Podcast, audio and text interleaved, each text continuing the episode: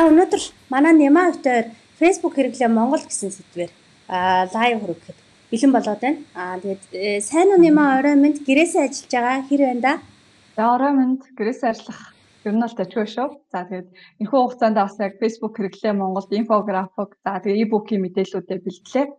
За манай байгууллага бол ерөнхийдөө 2015 оноос хойш энэ Facebook хэрэглээ Монголд гэдэг энэ инфографикийг бэлдэж явсан байдаг юм. Тэгээд сүүлийн 3 жилийн хугацаанд бол манай Няма яг энэ Facebook хэрэглээ Монголд гэсэн инфографикийг гартаад хийгээд явсан байгаа.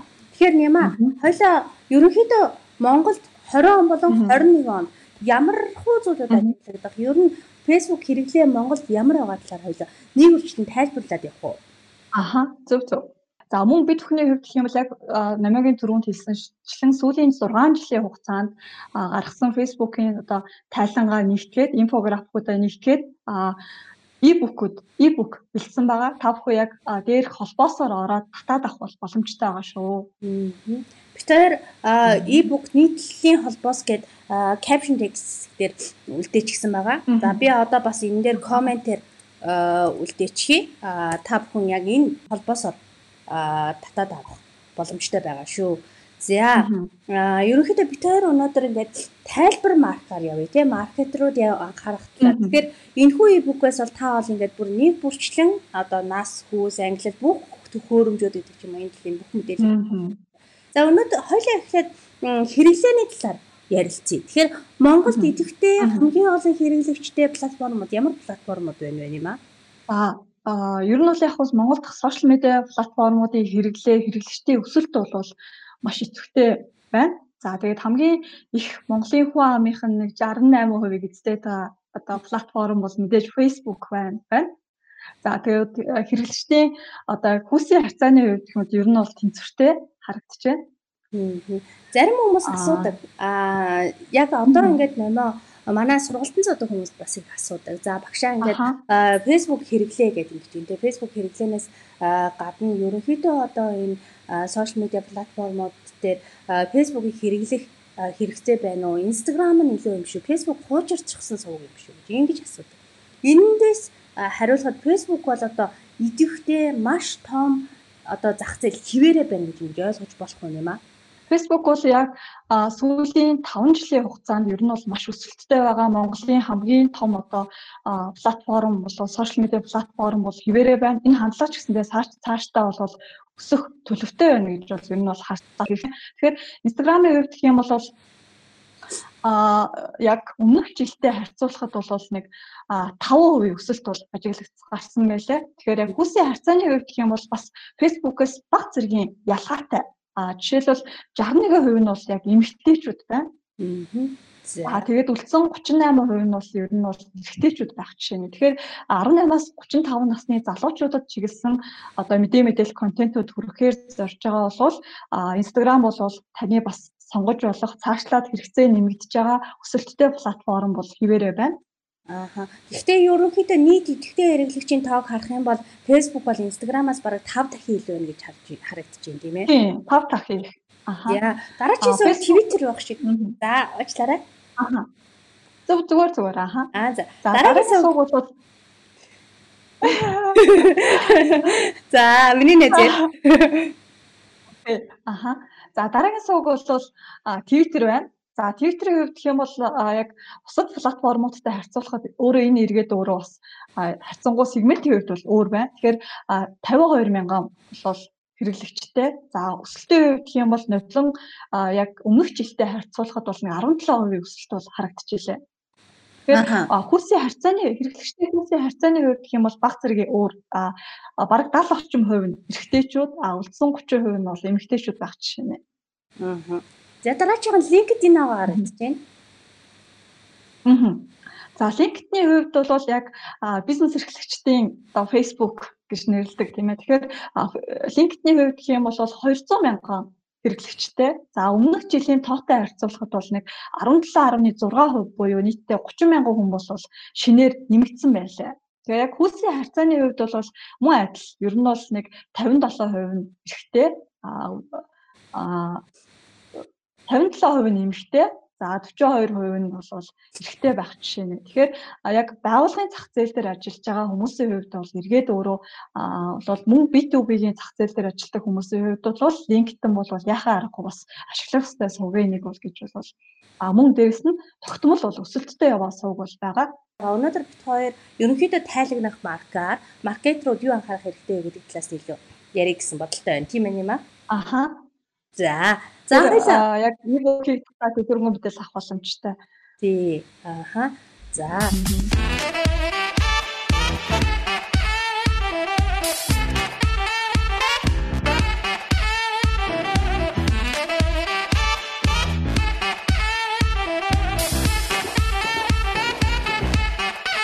За одоо хоёлаа дараагийн хэсэг рүүгээ явж явах уу? Аа. За дараагийн хэсэг маань идэвхтэй үйлдэлийн талаар. За энэ талаар хоёлаа ярилцъя. Ойрт айгүй яг ингэж яриаг болохоор нэлээд санагдсан. За тэгэхээр за Facebook хэрэглэгчтэй хувьд гэх юм бол ер нь яг ингээд сард хийгддэг үйлдэлүүд байна л да. Тэгэхээр жил их тусам бол яг энэ Facebook хэрэглэгчдийн үйлдэлүүд бол маш төвтэй болж байна. За яг жишээлбэл Монгол дахь хэрэглэгчтэй хувьд гэх юм бол насны бүлгээр нь одоо яг энэ 2021 оны яг энэ жилийн дата байна. Харахад 18-аас 44 насныхтай хувьд гэх юм бол пост лайк дарах, комент үлдээх, а мөн дээрээс нь зар сурталчилгаан дээр дарж үзэх байдлын хувьд бол маш идэвхтэй байна. Энэ тоо өөрөө ингээ өсөд байгаа өсөж байна. За мөн харин яг хүүсээр нь харах юм бол бол 10 25-аас 44 насны эмэгтэйчүүд бол маш идэвхтэй байна. Тэгээд Facebook-ийн энэхүү идэвхтэй байгаа үйлдэл маань биднэрт өөрөө маркетингийнхны хувьд ямар одоо санаа өгж гэнэ вэ гэхээр бид бүхний хүргэж буй төлбөртэй зар сурталчилгаа эргээд аны хүртээмж хүмүүсийн эргээд биднэрт үзүүлэх хариу үйлдэл илүү одоо байгааг бол харах боломжтой байна. Тэгэхээр Facebook дээр бол нөө төлбөртэй зар сурталчилгаа явуулахад ахин чиглүүлэлт хийхэд бидний хувьд бол бас илүү боломжтой болж байна л гэж харж байна гэсэн үг. А мөн яг 18-аас дээш насны Хуами одоо одоо тийм Хуамийн тунд одоо яг Facebook-ийн зар сурталчилгаа явуулахад 18-аас дээш насны нийт Хуамийн 97% нь бид нэр хүрэх боломжтой гэсэн одоо ийм судалгаа хүүцүүдээс гаргасан судалгаа байлаа. Аха энэ бол айгүй надад өндөр тоо юм шиг харагдсан. Яагаад вэ гэхээр бид нар 18-аас дээш насны буюу эдийн засгийн маш идэвхтэй хүн амын одоо нийт 18-аас дээш насны гэсэн үг шүү дээ. Бүх хүмүүс Монгол хүмүүс. Энэ хүмүүсийн 97% буюу бараг тэр чигт нь бүгдэнд нь манай сурталчилгаа харагдах боломжтой гэдэг. Тэгэхээр энэ бас дэлхийн хэмжээнд бол эхний 5-д манай Монгол улс ордгийн байлээ. 100% харагддаг гэдэг нэг итгүү улс байдгийн байлээ. Тэрний тэрнтэй зэрэгцээд манай Монгол ордог. Тэгэхээр бид сурталчилгаагаа илүү сайн явуулах нь илүү үр дүнтэй өгөөжтэй юм. Тэгээд бас дээрэс нь одоо Facebook сая нямаа ярьж яхад надад бас тийм бодол төрлөө л дөө Facebook өөрөө engagement-ийн харилцаа үүсгэлт те хариу үйлдэл хэр сайн их байна тэр постуудыг олон хүнд хүргээд байгаа хэрэгтэй. Тэгэхээр Монголын зах зээл дээр бол Facebook бол одоо бусад зах зээлүүдтэй харьцуулахад магадгүй энэ хэрэглэгчийнхээ нөгөө хийж байгаа үйлдэлийн зан төлөвийг харахад их одоо боломжийн сайн сувг байж болох юм шиг харагдаж байна. Эндээ санал нэгдэх үү юм аа? Аха саналагдж байна. Мөн дээрэс нь 2020 он бол өөрөө Facebook-ийн хувьд комент бичих байдлыг маш сайн дэмжижсэн жил. Тэр ч утгаараа бол хүмүүсийн комент бичиж байгаа байдал бол маш сайн өсөлттэй байна. Тэгэхээр бид нөө энэ нь эргээд өөрөө пэйж бид хүнд бол бас эргээр нөлөөлж байна. Аа контентуудыг маань бустууд маань маш сайн хурж байна. Дээрээс нь нөгөө комент бичсэнээр organic reach буюу бустгүүд хөлбөргүү reach маань өндөр болж эхэлж байна гэсэн үг тийм бусад орныхонтой харьцуулахад ерөнхийдөө манад бол боломж их байгаа харагдаж байна гэсэн үг тийм ээ. Тийм. За. Дээрэс нь хоёлынгийнх нь яриа ер нь хэр сонсогч бол миний интернет сайн сонсогдож байна дуу сайн сонсогдож байна гэж манай ануудаар ичсэн байна. Баярлалаа анука. За хоёлаа дараагийн хэсэг рүү орох юм аа. Аа тийм. За дараагийн хэсэг маань төхөөрөмжийн тухай байгаа. Энэ дээр бас нэлээд өндөр нэг тоо харагдчихсэн. Тэр тооны тухай ярих уу? За ер нь бол жил ирэх тусам Facebook тэргэлж одоо нэвтэрж байгаа төхөөрөмжийн хувьд ер нь гар утснаасаа нэвтрэх байдал бол нэмэгдчихсэн. А гэтэл яг энэ оны хувьд гэх юм бол а 99% нь бол гар утснаасаа нэвтэрж байна. А үлдсэн 1% нь бол зөвхөн компьютероос нэвтэрж байна. Тэгэхээр бид бүхний хувьд энэхүү одоо яг мэдээллээс хамгийн чухал авах зүйл нь юу вэ гэхээр бид бүхний бэлтж байгаа контент мэдээ мэдээллүүд гар утсны жижиг дэлгэцэн дээр тохиромжтой байх тал дээр анхаарах хэрэгтэй гэдэг зүйл бол харагдаж байна. Тэгэхээр яг аль төхөөрөмжөөс илүү хувь орж байгаа гэдэг мэдээллийг бол сасны ангиллаар бид нар бүгдийг гаргацсан байгаа. Тэгэхээр та бүхэн маа e-book руугаа бол ороод бас харах бол боломжтой байгаа. Яг энэ комент хэсэгт би нийтлэлийн холбоос гэдэг нийтлэлийн холбоос батсан байгаа. Энэ холбоос дээр дараад а тэгэнгүүт татаж авч форм бүглэх хэсэг байгаа. Тэр формыг бүглөөд та бүхэн e-book аваарай. e-book дээр одоо яг энд болохоор бид хоёр ингээд хэсэгчлээд e-book-нийхээ хитгэн уудсыг ингээд оруулчихсан байгаа тийм ээ. Тэгэхээр энэ болгоныг үзээд анализ хийгээд маркетрууд яг өөрийнхөө салбарт яаж хэрэглэх талаараа ингээд бодолцоод явж байна тийм. Тэгэхээр гар утаснаас 99% хандж байгаа гэдэг бол өндөр тоо байна. Тэгэхээр бид нар гар утасны дэлгэцэн дээр маш их анхаарал хандуулах яг тийм босоо формат энэ дээр бас анхаарал хандуулах. Энэ тухай хоёул өнгөрсөн жил бас ярьжсэн санагдаж байна тий. Энэ тоо тэгэхээр бүр өссөн байгаа харагдчихэв байна гэсэн. Одоо жишээлбэл 4 жилийн өмнө гэх юм бол нэг бараг 16% ч гэдэг юм уу тий компьютероос нэвтрээд нэг 80% нь л гар утаснасаа нэвтрдэг байсан бол 4 жилийн дотор энэ өөрчлөлт бүр ингээ маш хурцтай гарсан байгаа байхгүй юу. Тэгэхээр би түүхний хувьд эргээл нөгөө контентын асуудал бас яригдчихээн гэсэн. 99 гэхдээ энэ 99 бол дан ганц гар утаснаас холбогддог гэсэн үг биш а компьютероос хаяада холбогддог байж болно. Гэхдээ ер нь бол гар утснаас холбогддог гэж ойлгож болно. Тэ одоо чиптээр бол компьютероос холбогддог, гар утснаас холбогддог хүмүүс одоо энэ 99-т орсон байгаа шүү. Үлдсэн нэг куб бол зөвхөн компьютероос ордог хүний тоо гэсэн үг байхгүй юу?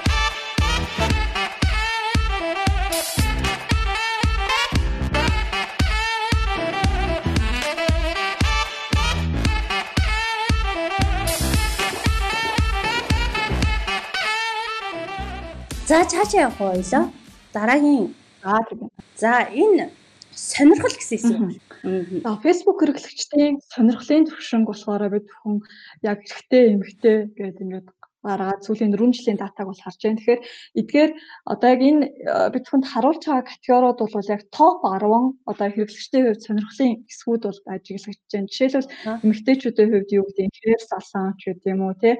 За дээрэс нь гоо сайхан имлэг гэдэг яг эдгээр категориудын хувьд яг төдийлөн гэхээсээ илүүтэйгээр эдгээр категориудыг бид нар төлбөртэй зар сурталчилгаа явуулах магадгүй бусад зүйлүүдэд ашиглахад яг энэ категориос нь бас сегментчилж өгвөл илүү үр дүнтэй байх гэдэг байдлаас бид нар бол ингэ танилцуулж байгаа. Тэгэхээр аа ерөнхийдөө одоо энэ маркетруудын хувьд юун дээр одоо хэрэглүүл илүү үр дүнтэй гэсэн үг байна юм аа. Ямар одоо үр дүнтэй?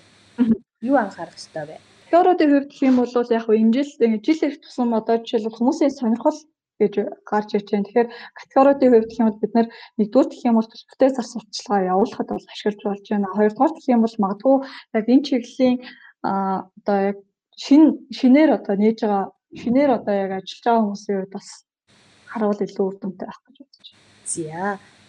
За тэгэхээр сонирхол бол юм байна. За одоо хоёулаа дүгнээд ярих уу?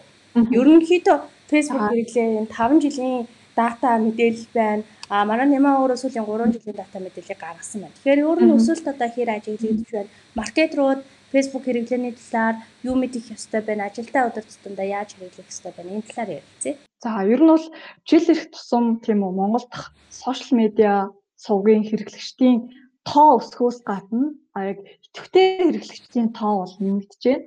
Энэ нь бол эргээд өөрөө яг энэ яг түрүүний харуулсанчлан тийм сошиал яг сувгуудыг бид бүхнийг дан ганц Facebook гэхээсээ илүүтэйгээр Instagram за тэгээд LinkedIn ч байт юм уу тийм ингээ бүхий сувгуудыг хамтдан ашиглаад явбал илүү үр дүнтэй гэдэг юм бол харагдаж байна. Ялангуяа хөл насны хэрэглэгчтэй хувьд гэх юм бол зар сурталчилгаан дээр дарж үзэж байгаа байдал бол маш идэвхтэй байна. Тэгэхээр бид бүхний хувьд төлөвлөлтөд зар сурталчилгаа явуулахад бол илүү одоо үр дүнтэй гэдэг юм. Тэ зар сурталчилгаа явуулахад энэ маань эргээд өөрөө эргээр нөлөөлж байна гэсэн үг. Тэгээд 2021 оны хувьд ч гэсэндээ одоо бид хүн сошиал маркетингда зар сурталчилгаа явуулах, зар сурталчилгаан дээрээ тавьж байгаа төсвүүдээ ахаад илүү нэмэгдүүлэх гэдэг юм уу. Энэ бол хэрэгтэй шаардлага бол үүнээс харагдаж байна.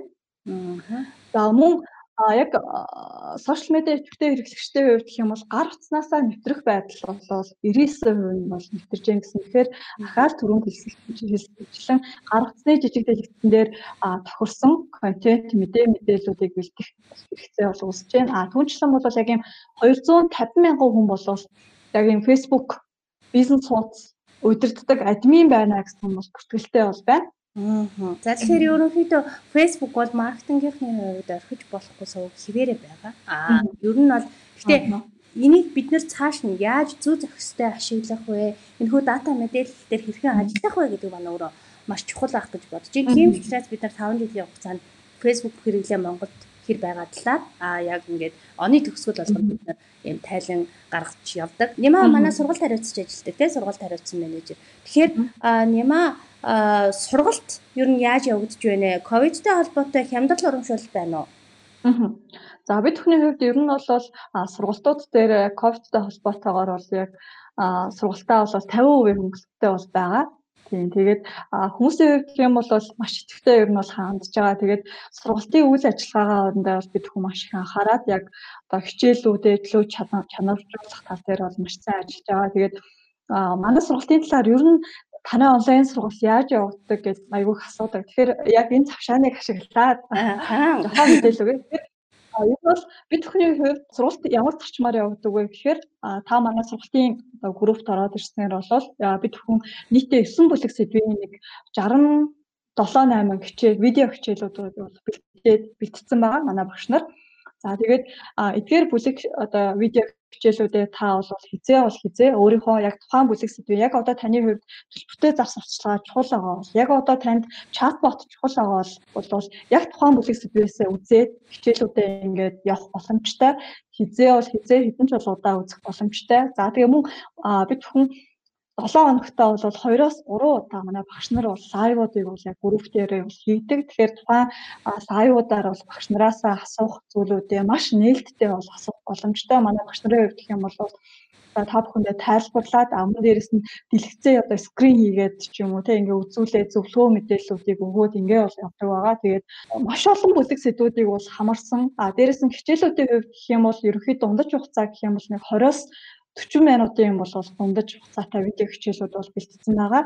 За тэгээд яг эдгээр хичээлүүдийн хувьд онцлог нь юу вэ гэхээр ер нь яг хичээлүүдийн агуулгад нь юу байд юм бэ, яад юм бэ гэж айгүйх асуудаг. Тэгэхээр хичээлийн онцлог агуулгын хувьд гэх юм бол бид нар яг сошиал медиа маркетинг хийхэд гардаг асуудлуудыг манай багш нар өөрсдөө тий яг ингээ бүр маш сайн системчлэлтэйгээд яг дээр ийм зүйл ингэж хийдэ гэдээ маш тодорхой болов одоо ингээ хичээлүүдийг бол орсон байгаа. Тэгэхээр суралцагчдын хувьд гэх юм бол хичээлүүдээ үзээд одоо сэтгэл өндөртэй. За манай сургалтуудаас маш их мэдээлэл зөвлөгөө мэдээллийг авч байна. Ер нь үр дүн гарч байна. Бизнесийн хувьд ч тэр яг сая өнгөрсөн 4 сараас манай сургалт эхэлсэн шүү дээ, тий.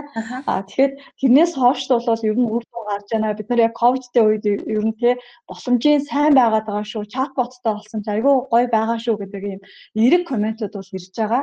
Аа. За сургалттай холбоотой би өөрөө яг одоо энэ сургалтын төлөвлөгөө, стратеги, контент маркетинг бас сувгийн онцлогтой холбоотой ер нь хичээлүүдийг бүгдийг нь орж байгаа. Тэгээд би өмнө нь 2019 оны а сүүл 11 12 сард ч билүү дээ. Ямар ч байсан 2019 оны а үгүй шүү дээ 2019 оны 2 улирал юм. Сүүлийн 2 улирал сошиал медиа маркетингийн гүнзгий сургалтаа танхимын сургалтаа ордог байсан. Аа манайх BCB-тэй хамтарсан сургалт хийдэг байсан. Тухайн үед болохоор оршиход надад нэг зүйл анзаардаг байсан. Тэр анзаардаг байсан зүйл нь юу вэ гэхээр аа суралцагчид маань өдөр ингээд хичээлээ бүтэн өдрийн сургалтчууд бас их урт хугацаа тий.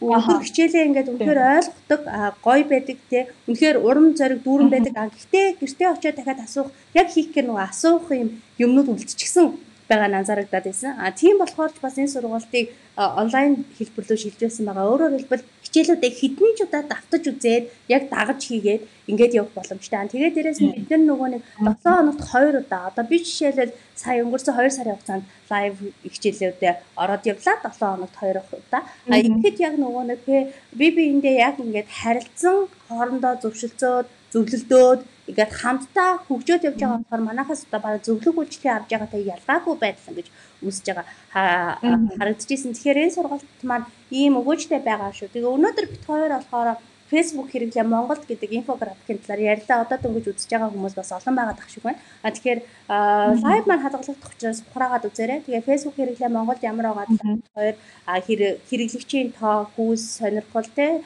холбогддог төхөөрөмж гэх мэт чинь маш нарийн нарийн детальны мэдээллүүдийг хоёр e-book дээр оруулсан байгаа. Тэгэхээр та бүхэн би лайвын дор нийтлэлийн холбоос гэдээ оруулчихсан. Тэр нийтлэл рүү ороод форма бүглөөд адтаа даваараа тэгээ бас манай сургалт 50% хөнгөлөлтөд явж байгаа шүү. Бас чатбот темплейт маань байгаа. Тэгэхээр чатботын талаар маргаашийн лайв дээр манай чатбот хариуцсан менежер манай захирал Баатар Чулуун захирал хоёр маань илүү дэлгэрэнгүй тайлбарлага авах гэж бодож байна. Тэгээд үдсэн бүх хүмүүстээ баярлалаа.